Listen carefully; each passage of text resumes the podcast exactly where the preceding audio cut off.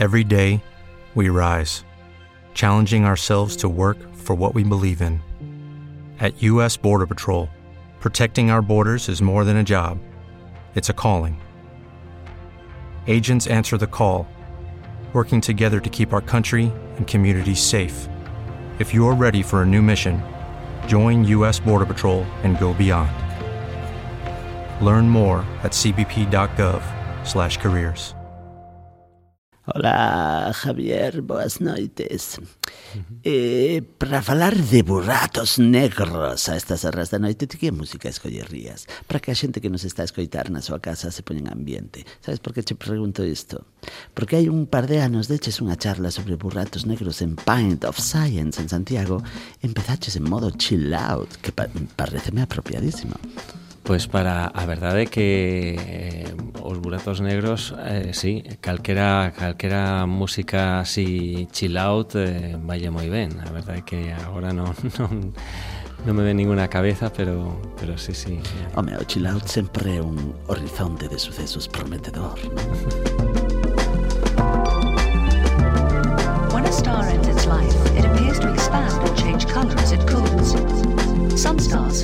Pro tempo da conversa en Efervesciencia contamos esta noite nos nosos estudos con Javier Masolé, que é profesor do Departamento de Física de Partículas da Universidade de Santiago e investigador do Instituto Galego de Física de Altas Enerxías. Moi boas noites, Javier. Boas noites. E temos a semana pasada tivemos en todos os xornais eh, de papel e digitais en portada a primeira, e imos poñer entre comillas, a primeira foto dun burato negro. Foto que logrou o Event Horizon Telescope, oito telescopios, radiotelescopios de todo o mundo fixeron unha foto en M87 a 55 millóns de anos de luz á sombra dun burato negro. Pero antes de explicar que hai detrás desa, desa foto de buratos negros, podemos poñernos en modo burato negro e explicar un poquiño que son os buratos negros, porque podemos pensar, por exemplo, unha metáfora que moitas veces que pode ser útil para entendelo e pensar que o espacio-tempo é unha saba e que eh, cando temos unha masa o que facemos é hundirnos nesa masa ou nesa cama elástica hundirnos tanto según a masa dos corpos. Bueno, pues sí, sempre que intentamos eh, explicar o que son os buratos negros buscamos símiles cotidianos né? Eh, o, do, o da sábana é, eh, xa un clásico, eh, o da superficie, esta membrana elástica, como se fose o colchón na, no, no que cando pues, nos, nos deitamos o abollamos para baixo e curva é unha forma de explicar que o espacio cambia a súa xeometría. É unha, é unha explicación que explica algunhas cousas, mmm, pero o burato negro é, digamos, como se si rompésemos o colchón. Xa é como se si esa deformación fose tan grande que fixésemos realmente un burato. É dicir, sí, sí. Eh, ti cando deformas o colchón e tiras calquera cousa, che volve eh, da unha, unha volva, cae e, e sae. Cando rompes o colchón, tiras algo e xa cae eh, e non, non volta xa máis. Eh, esa sería un pouco a primeira diferencia entre a, a imaxe clásica que, que, que se utiliza é a de un burato negro. O sea, que burato, aí romperíamos o, o, o colchón, e eso porque aí as matemáticas tamén se rompen de algún xeito. A relatividade, aí chegan aí a unhas cousas que non teñen sentido per se. ¿no? Exactamente. Eh, en, en, en versión matemática, eh, romperse quere decir eh, que aparece algún infinito nas túas ecuacións. Eh, en este caso, o infinito aparece exactamente no, no centro do burato. E eh, decir que a, a túa capacidade de, de predictiva, a túa capacidade de analizar eh, termina aí. A teoría se termina no, no centro. Non sabemos realmente o que pasa decimos en términos en termos coloquiais que, que se rompe, pero realmente o que quiere decir que hai unha singularidade que haberá que bus habrá que buscar outros métodos para entender que é o que realmente pasa aí. Mm. Mira, a xente que lle gusta a ciencia, a foto esta de un rato negro parecelle fantástica, maravillosa, pero coido que hai moita xente que cando escoitou a nova por primeira vez pensou A ver, a, ainda non tiñamos fotos de buratos negros de hai de, décadas. Como, como é posible que levemos toda a vida pensando en burratos negros e nunca en realidade os virramos? Eh, isto ninguén o di, pero hai moita xente que o pensa. Bueno, porque hai que hai que reflexionar sobre o que significa a palabra ver. En realidade ver, ver vemos moi pouco. Uh -huh. Así con con os nosos ollos, todo o que todo que a ciencia que nos rodea Eh, é unha maneira de, de combinar eh, extensións dos nosos sentidos con inferencia lóxica das cousas. Entón, ver quere decir realmente ter unha unha certeza de que de que o, o que o, o teu modelo eh, está de acordo co, co que hai aí fora, non? eh, vemos eh, un espectro pequenísimo cos nosos ollos. Hai que utilizar aparellos que van máis aló. Eh, dependendo do que queras ver, é máis difícil ou menos difícil. Neste caso, eh, era moi, moi difícil facer eh, una, realmente algo que en, se entrase polos ollos. Pero ver os buratos negros indirectamente xa os levamos vindo varios anos indirectamente, es decir, hai, hai indicios que, din, eh, que se hai algo aí ten que ser exactamente o que temos o, o que o que estaba predito pola teoría dende 100 anos atrás pero queríamos queríamos algo máis, queríamos unha postal. Porque eh, agora que sabemos é eh, que nos centros das galaxias hai un burato negro supermasivo, pero supermasivo quere dicir que eh, ten moitos millóns de masas solares. E eh, precisamente o que se tiña estudiado é o burato negro que está no interior da nosa galaxia E nos deu moitas pistas precisamente para saber que aí había ese burato. Sí, efectivamente, eh, este burato que está no centro da, da Vía Láctea eh, deu moitas pistas porque precisamente eh, foi posible trazar a traxectoria das estrelas máis cercanas e realmente trazaban unhas órbitas tan tan pequenas que era impensable pensar que no centro atractor desas, desas órbitas poidese haber algo que además non emitise e que fose tan grande que torcese esas órbitas de, esa maneira tan violenta. O único candidato posible era un burato negro. Eh, pero bueno, como diste, agora a, a creencia é que no centro de todas as galaxias hai un ou máis buratos supermasivos. De feito, hai a sospeita de que no centro preto deste de Saxitario hai outros que están a punto de converxer, tamén moi grandes. Eh? E esas estrelas que, ademais, rotando ao redor do burato negro a, a velocidades moi altas. A veces altísimas, sí. Eh, son velocidades no, digamos, cercanas a la luz, no, ni para, pero velocidades muy, eh, sobre todo aceleracións moi, moi cercanas, son unos movimentos, unas órbitas, esa estrela que está máis cercana, eh, que está ao burato de Saxitario, ten unha órbita comparable a de, a de Plutón, eh, como sistema solar, eh, un sol, eh, dai unha volta en, en, en, en un ano, pero, pero é unha cosa... É un sol, non é un planeta, eh? eh hai que pensar en eso. E este burato que temos no centro da nosa galaxia eh, gracias precisamente a, como rotan esas estrelas, podemos saber que masa ten. Sí, eh, una, un exercicio de, digamos, de, de grado en física, calcular eso, eh, sae unha masa que, bueno, ao principio como causa sorpresa, eh, unas 4, unos 4 millóns de veces a, a masa do noso Sol, E por iso entra dentro da categoría de buratos supermasivos, que son os que cremos que hai dentro das nos centros das galaxias. Non é dentro desa categoría non é dos máis grandes, M87 como mil veces máis máis grande. E buratos negros, en principio, a teoría, a teoría de Einstein di que poden existir de todas as masas, incluso microscópicos. Uh -huh. eh? Se podían, incluso hubo certa debate sobre se se podían crear no CERN, por exemplo, con colisións de partículas, vale? Pode haberlos de todas. Eh, ata agora tiñamos evidencia de que astrofísicos os había de, de como de dous de dous clases, os supermasivos que son estes, e os que son como uh, o, o punto final de, un, de, un, de unha estrela morta que eh, xa perde a súa capacidade de, de sosterse e eh, colapsa polo peso gravitatorio e forma un burato negro. Pero estes segundos teñen masas solares de, digamos, teñen masas de en torno a un dous veces tres, mas, tres veces a masa solar, eh? non son demasiado grandes. Recentemente tivemos coñecemento duns que, que eran que eran er, estaban como no deserto entre medias que a carón das, das ondas gravitacionais. Estes novos eh, buratos negros teñen masas de en torno a 50 veces a masa do Sol e eh, desafían as teorías astrofísicas, realmente non temos ni idea de como se formaron. É eh, un dos temas máis máis candentes agora, agora mesmo saber eh, si hai de todas as masas e, e como se forman.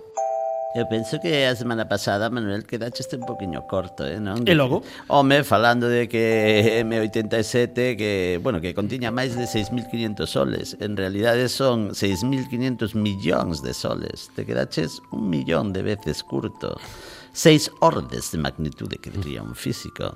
E, eh, e vostede como sabe iso? Home, porque teño uns ointes moi fi, moi fieis e, e non se lles escapa nada. Date conta de que ese burato é tan grande como o sistema solar, non, Javier? Nos 20.000 veces máis grande que o radio do Sol, pero aí tes que meter 6.000 6.000 eh, millones de soles. Eh? Eh, uh -huh. O que dá unha idea de que realmente un prato negro é un problema de empaquetar moita masa en pouco espacio. Eso é, é un tema de densidade. Cando empaquetas moita masa en pouco espacio, o que produces é unha deformación no espacio-tempo da que non podes salir. O, metes, o, metes, metes tanta masa que parece o que dicíamos ao principio, que acabas rompendo. Rompes o coche. Rachas aí co espacio. Mellor está dentro maricondo, eh, non no sabemos. Eso que está dentro da singularidade dos buratos negros. É o que non se pode explicar ni con ninguna matemática, nin con eh, nada. Eh, claro, vale, acabamos de solucionar a cosmoloxía moderna está solucionado. Maricondo está na singularidade dun burato negro. El planeta está mucho más cerca de Gargantúa de lo que pensábamos. Gargantúa. Es lo que llamamos el agujero negro. Los planetas de Miller y del Dr. Mann lo orbitan. ¿Y ¿El de Miller está en el horizonte de sucesos? Como un balón de baloncesto alrededor de un aro. Si aterrizamos ahí estaremos peligrosamente cerca y un agujero negro de ese tamaño tiene un enorme tirón gravitatorio. Podría sobrevolar esa estrella de neutrones para reducir no, no, la no. No, no es eso, es el tiempo. La gravedad de ese planeta ralentizará el paso del tiempo para nosotros drásticamente. ¿Hasta qué punto? Cada hora que pasemos en ese planeta serán... siete años en la Tierra. Joder. Así es la relatividad. Así é a relatividade. Esta é Interstellar que creou por ordenador unha simulación precisamente dun burato negro, a simulación ata agora, polo menos que tiñamos no cinema, ah, estamos falando de, de ficción no cinema, pero a que tiña máis eh, verosimilitude, tiña máis física dentro, ese gargantúa, ese gargantúa que estivo asesorado por eh, Kip Thorne, que logo eh, levaría o premio Nobel non por asesorar en Interestelar, senón eh, polo seu traballo en Ligo, nas ondas gravitacionais, pero sí se poden contar moitas cousas desa imaxe, que o mellor é a imaxe que tiñamos na mente todos de Gargantúa, claro, estamos moi viciados a nosa mirada, verdad? Sí, a verdade é que Gargantúa é un, é un burato espectacular dende un punto de vista visual, eh, pero non temos realmente evidencia de que de saber onde onde poder atopar un, un burato como ese por, por comparar, eh, un burato como Gargantúa eh, dentro da familia dos buratos negros sería como un planeta como Saturno dentro dos planetas. É eh, un burato que ten a, no cal a materia que, que, que orbita alrededor pois leva tanto tempo orbitando que acaba formando un plato, que é o que chamamos o disco, o disco uh -huh. de acreción.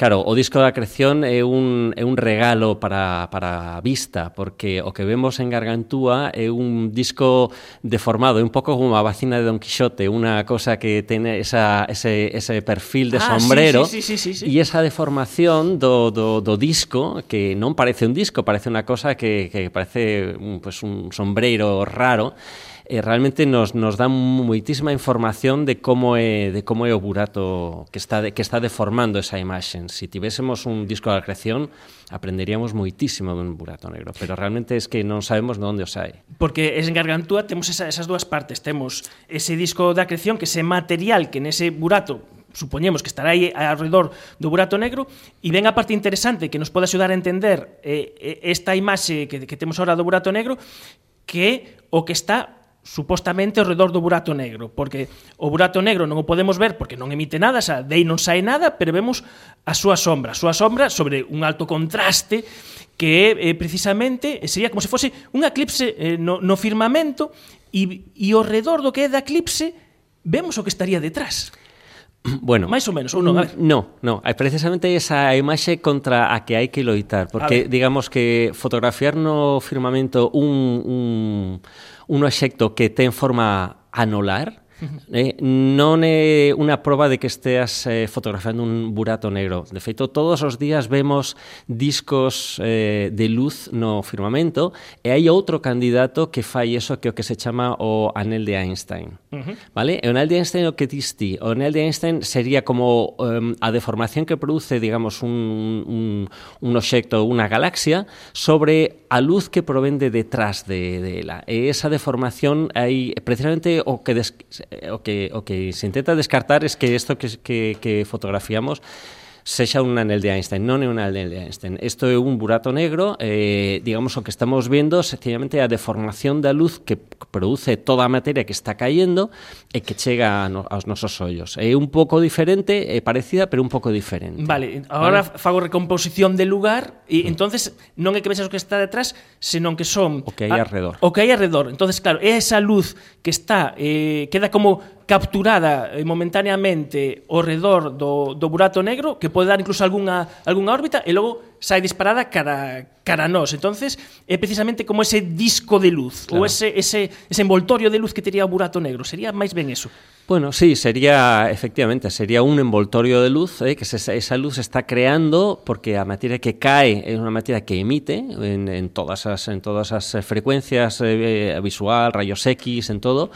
En particular, moi probablemente, aínda que eu non podo eh, nesta foto que, que, que se fixou famosa, eh, eh, hai hai un lado que é moito máis luminoso, moi, moi probablemente ese sea o lado polo cal está, eh, está xurdindo a materia cara a nós. Uh -huh. vale? Teña que ver ca rotación da materia orbitando o burato negro. Eh? Normalmente todas as simulacións que, que, que falan de materia que está orbitando un burato negro que rota eh, el mesmo eh, é máis luminoso por un lado que por outro, que presente o lado máis luminoso o lado que, que, que lanza a luz directamente de cara a, a nos e o outro é máis oscuro. Eh? Ah, ah, a, a boa, eh, xa que a temos a vostede, nos pode describir como ese burato negro?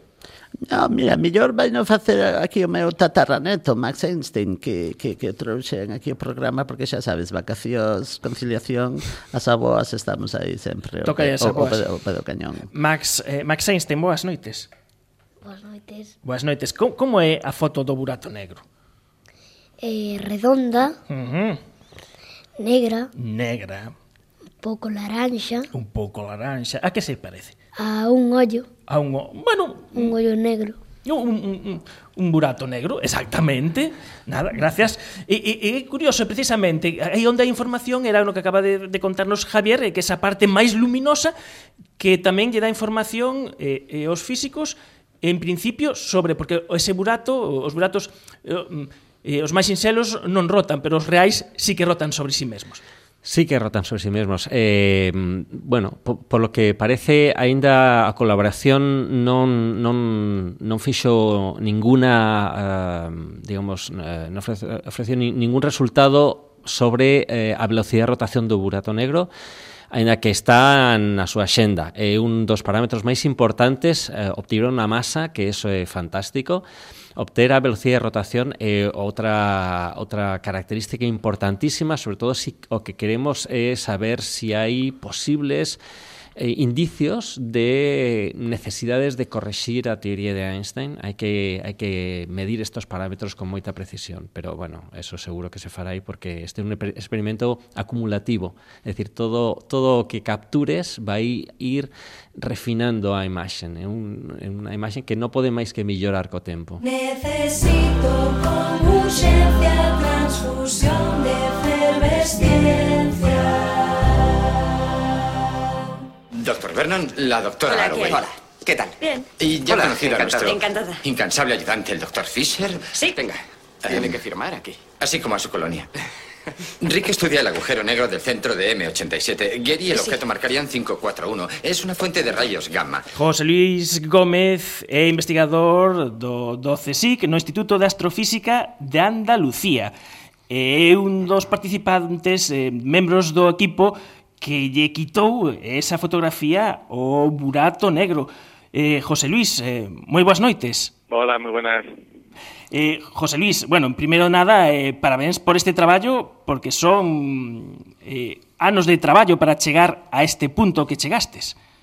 Sí, ha sido un esfuerzo de, de más de 200 personas durante muchos años y en particular los últimos, el último año y los últimos meses han sido trabajo frenético, pero bueno, sabíamos que teníamos un resultado realmente muy interesante y siempre pues, hacía con mucha ilusión.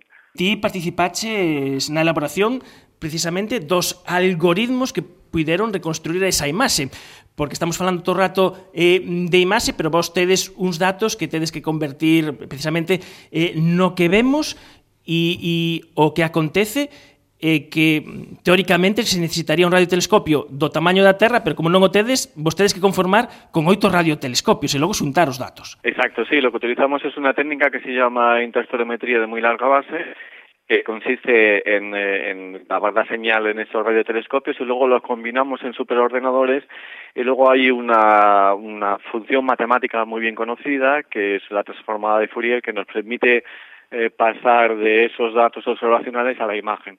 Es muy parecido a cómo funciona un TAC. De hecho, el TAC utiliza la misma técnica y, y por la que fue galardonado con el Premio Nobel de Física Martin Ryle en 1974. E hai unha década, eh, esta, esta tecnoloxía se utilizaba, desde hai unha década, e hai unha década o que a resolución que podíades ter nas unidades que medíades era 100 microsegundos de arco e sabíades que teñades que ir un poquiño máis aló para poder ter a resolución abonda para poder ver o, o burato negro. E eso conseguistes en vez de utilizar ondas de tamaño de centímetro a ondas de tamaño de milímetro. Exacto, sí, es muy importante utilizar eh, eh, longitudes de onda de 1.3 milímetros, que es la que hemos utilizado, porque no solo además te proporcionan la resolución angular suficiente para observarlo, sino también te permiten eh, atravesar la zona que puede ser ópticamente opaca de la zona interior. Entonces, a, a esa frecuencia es, se hace transparente todo el medio que está rodeando el agujero negro y después eh, la fotografía de, de, de, la silueta de la, del agujero negro. Eh, tedes que reconstruir todos eses datos para facer eh, esa, esa fotografía da, da sombra do burato negro, pero nesa reconstrucción vos tamén poñedes coñecemento voso que tedes e, e este sempre está a dúbida de dicir eh, cando reconstruídes eh, poñedes eh, información donde non a tedes eh, cal é a garantía de que o que estades reconstruindo se xa fiel á realidade e non sexa que vexades precisamente o que queredes ver? Sí, lo que lo que eh, lo que tenemos es que efectivamente hay una especie de agujeros en, en, en, en la antena gigantesca que, que sería la antena equivalente que correspondería al tamaño de la Tierra, porque claro tenemos solo ocho telescopios, ¿no? Entonces, para eh, estar completamente seguros de que esa es la mejor imagen eh, que corresponde a, a los datos que hemos obtenido, hemos desarrollado tres algoritmos para reconstruir esa imagen. Eh, hemos trabajado además de manera independiente, cuatro grupos de trabajo, haciendo esas imágenes, comprobando que todas esas imágenes coincidían entre los distintos grupos y hemos hecho pues eh, más de 50.000 imágenes hasta que hemos visto que la que hemos publicado es la que mejor se ajusta a los datos que hemos obtenido. Eu quería preguntar como é que tomando unha foto con tantos radiotelescopios durante cinco días non sae un movida. Ou sí que sae movida. Ah, sí, isto, é, é algo é unha vantaxe en vez de ser un inconveniente. Sí, en, eh, de hecho, eh, de- el principio este de, ap- de apertura de síntesis, pero que comentaba antes, que tiene el premio Nobel Martin Ryle de 1964, se basa en el hecho de que durante todo el, el tiempo que estamos realizando las observaciones, la fuente no ha cambiado su, su imagen. Esto es, esto es eh, cierto para M87, para la imagen que hemos publicado porque esperamos que la, imagen pueda empezar a mostrar cambios en escalas de orden de dos o tres semanas. Entonces, durante las siete horas que hemos estado observando en cada uno de esos días, eh, pues eh, la imagen no ha cambiado y eso nos ha permitido obtener la imagen. Pero esa no es la situación en Sagitario en el centro de nuestra galaxia. De hecho, la imagen cambia en, en escalas de en orden de 10 minutos, 15 minutos, y eso supone realmente un problema que estamos ahora intentando solucionar. Porque, o mellor, nese caso, en Sagitario a, a estrela, eh, máis que unha imaxe, eso sería xa un vídeo. Exacto, sí, exacto, sí. Lo que vamos a hacer muy probablemente es, eh, es hacer un vídeo y que además puede ser muy revelador porque nos puede mostrar cómo se material en torno al agujero negro en el centro galáctico. E ti, cando eh, tiveches a sorte de ver eh, esa foto eh, moito antes que o resto dos mortais, eh, que pasou pola túa cabeza cando viches por primeira vez a foto? Bueno, pues me imagino que habéis visto eh, la fotografía de Katie Bowman que ha dado la vuelta al mundo de cuando ella lo vio por primera vez eh, mostraba esa cara de, de excitación, de alegría, de sorpresa, de, de pues eh, ha sido realmente eh, refleja muy bien lo que hemos sentido cuando lo hemos visto. La primera vez que yo lo vi fue en, en julio de 2018, o sea, hace ahora casi nueve meses, y, y fue, pues se me pusieron los pelos de punta, realmente fue de esas experiencias que, que uno tiene una vez en la vida científica, ¿no? Y, y va así, y, y, y de ahí se dice, pues efectivamente, aquí está, esta es la sombra del agujero negro. es, es como un sueño hecho realidad. Mm, eh, ah, con Cathy Bowman houve tamén unha polémica, porque ela tamén participou na creación dos algoritmos, e incluso eh, na Wikipedia en inglés se lle creou unha entrada, pero houve quen dixo que había que borrala, porque no equipo sodes eh, dúcias de persoas eh, que, que, que, bueno, que os méritos non eran abondos, e, bueno, afortunadamente a entrada na Wikipedia en inglés mantense aí, e mantense o mérito de todos os que traballastes no proxecto. Sí, Ka- Katie Bowman ha hecho un trabajo excelente. Es una de, las eh, cinco personas que hemos coordinado el artículo 4, que es el artículo en el que presentamos la, la imagen. Entonces, todo el reconocimiento es más que merecido. Pero ella es, eh, se ha encargado justamente de recalcar que esto no es el trabajo de una sola persona, que es un, el trabajo de, de 200 personas que han trabajado durante años cada una en, dentro de su especialidad en, y, y entre todas buscando un objetivo común que era obtener esta imagen y su interpretación teórica. Ah, hola, mira, soy Javier, eh, gracias por, por eh, atendernos. Y te quería preguntar, eh, eh, la sospecha al principio era que el objetivo primordial, por lo menos cuando visitábamos la página, era Sagitario y que M87 pues estaba también ahí pues como en la, en la agenda, ¿no? Luego parece que ha sido un poquito al revés.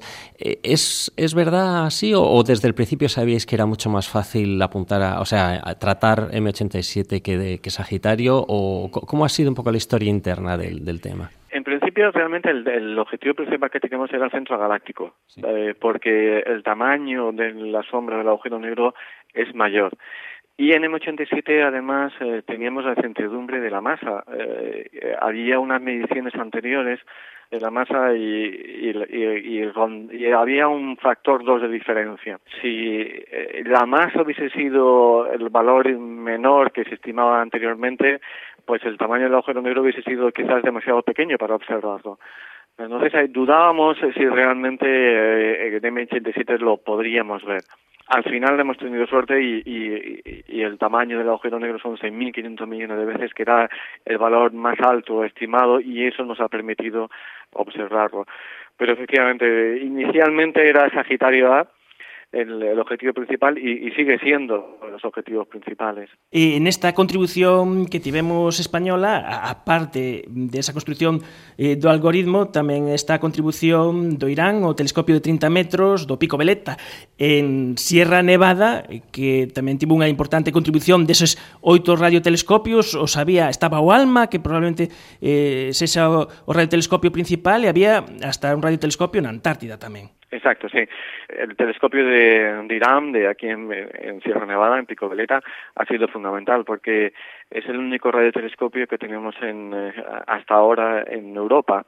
Entonces eso nos ha permitido eh, tener eh, esa calidad de imagen, esa resolución angular para realmente distinguir eh, el, el, la sombra del agujero, del agujero negro, el, esa zona circular.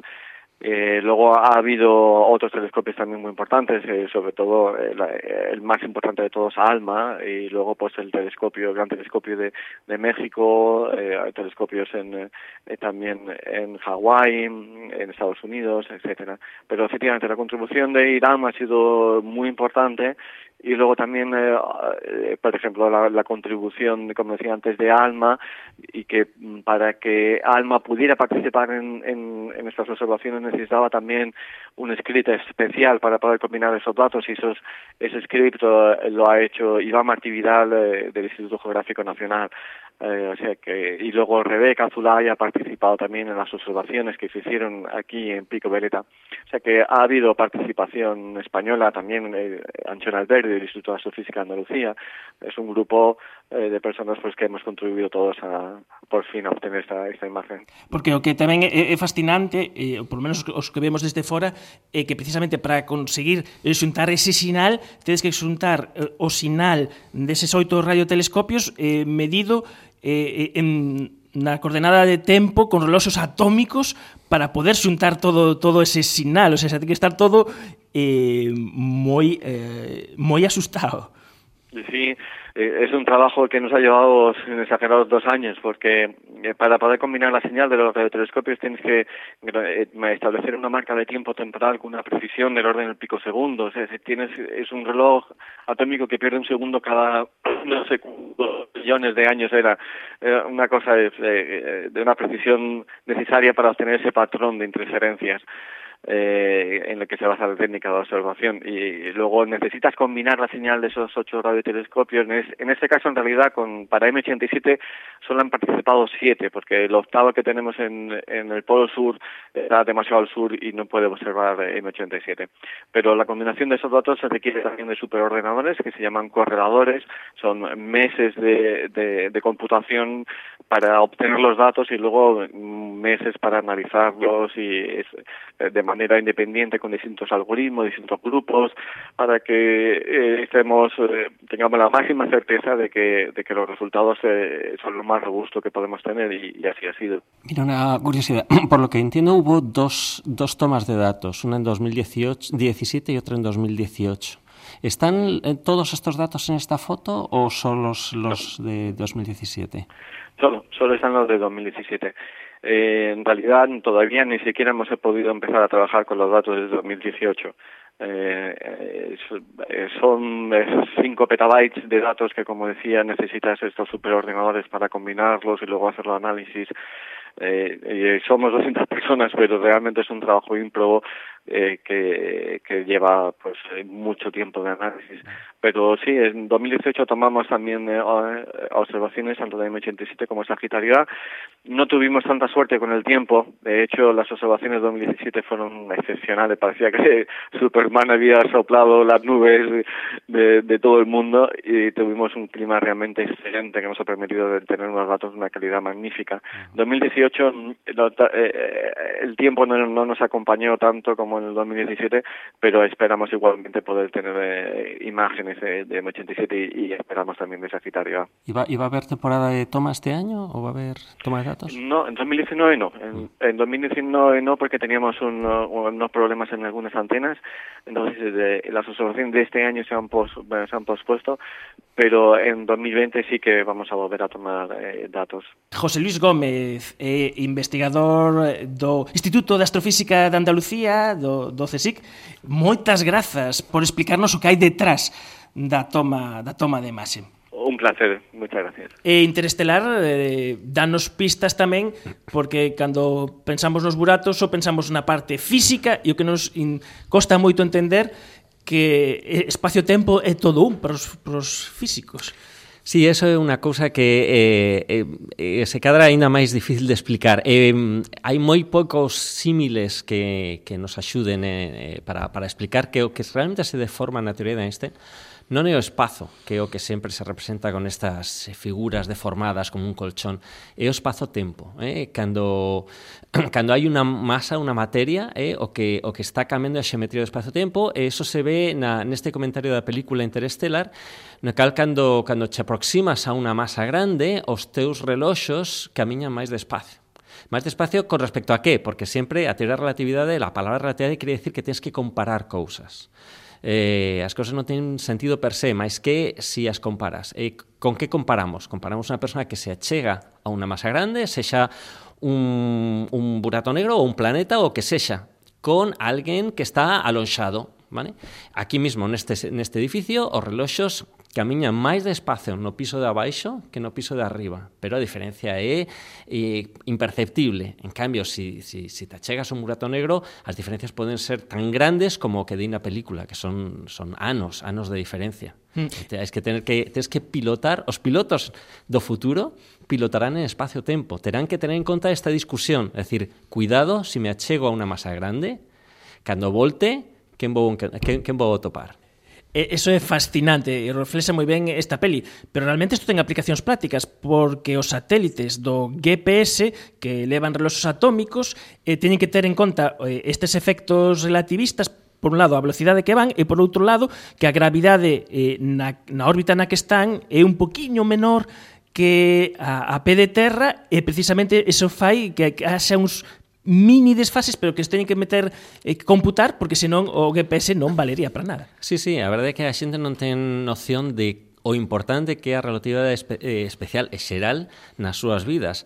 Si esta corrección non se tives en conta, é unha corrección debida á teoría da relatividade de Einstein, pois o GPS nos enviaría centos de kilómetros eh, mm, lonxe do, do, da rotonda que queremos chegar. Nos, nos equivocaría totalmente.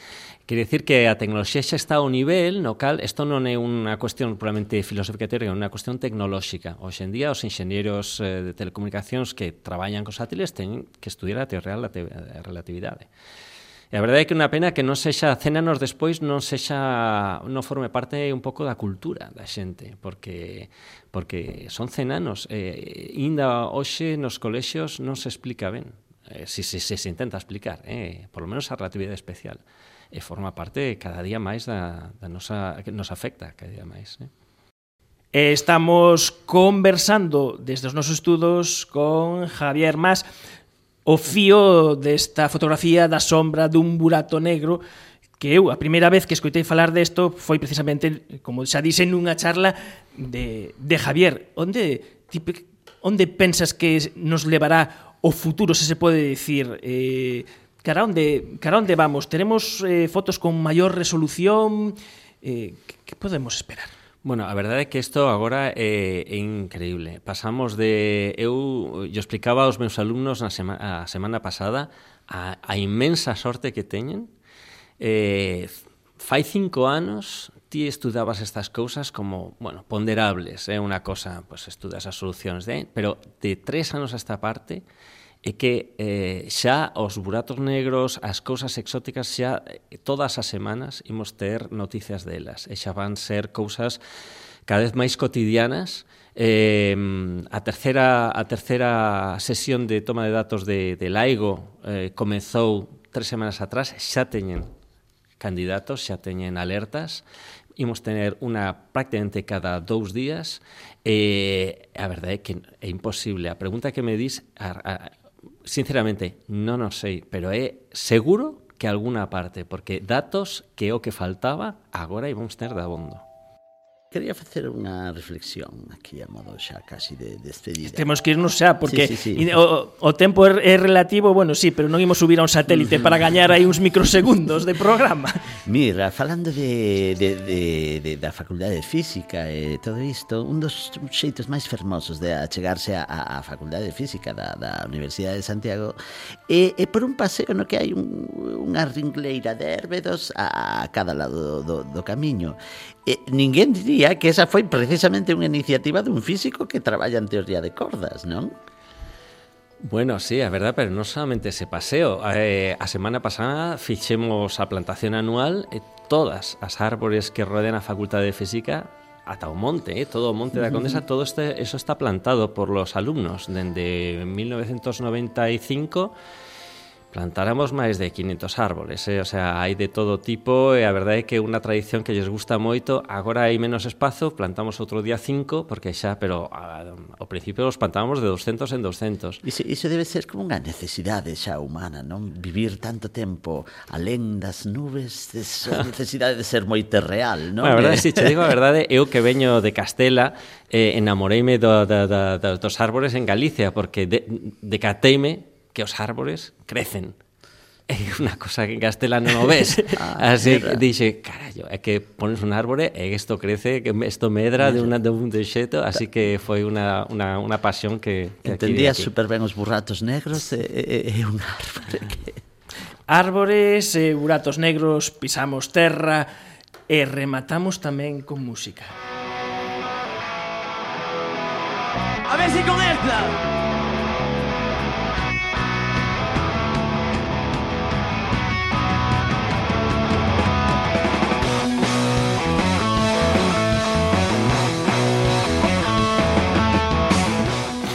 Eh, estamos a escoitar a Billy Birloque eh, nunha actuación do Quantum Music Festival. No ollo do furacán Eu berraballe a miña nai Javier, que é isto todo Quantum Music Festival? Pues esto fue pues eh, como das árbores, fue una iniciativa que tivemos eh, 20 anos atrás, puxemos aí un carteliño o que saiba tocar algo que saia que saiga ao, ao escenario E xa vamos polo, polo número 22, así que non, non falla todos os anos os rapaces e profesores saímos aí a, a disfrutar unha, unha tarde despois de plantar os árboles na, eh, e, e facemos un concerto de a música cuántica, pois hai que hai que hai que ir para saber o que non vou explicar. bueno, entonces unha recomendación, eh, bueno, está ben os buratos negros, pero tamén está a música, as árbores, e o Festival de Música Cuántica. Estivemos a conversar esta noite e a verdade que o tempo pasou voando Con Javier Mas Que é profesor de Física na Universidade de Santiago No Instituto Galego de Física de Altas Enerxías Con el falamos de buratos negros Pero eh, xa quedamos con el de falar con cosas que agora está facendo de computación cuántica, pero será noutro capítulo, noutra noite de efervesciencia. Moitas grazas, Javier, por nos acompañar. Bueno, gracias a vosotros, este es un placer estar aquí. Bueno, bueno eh, que día é o festival? Porque quero ir. Bueno, o, este foi a semana pasada, terás que esperar un ano para a seguinte edición. Bueno, se me achego a facultade de física... No, se me, teño que alonxarme para que pase o tempo máis rápido. Como era iso? Explicadme. Bueno, eh, temos tempo, para temos tempo.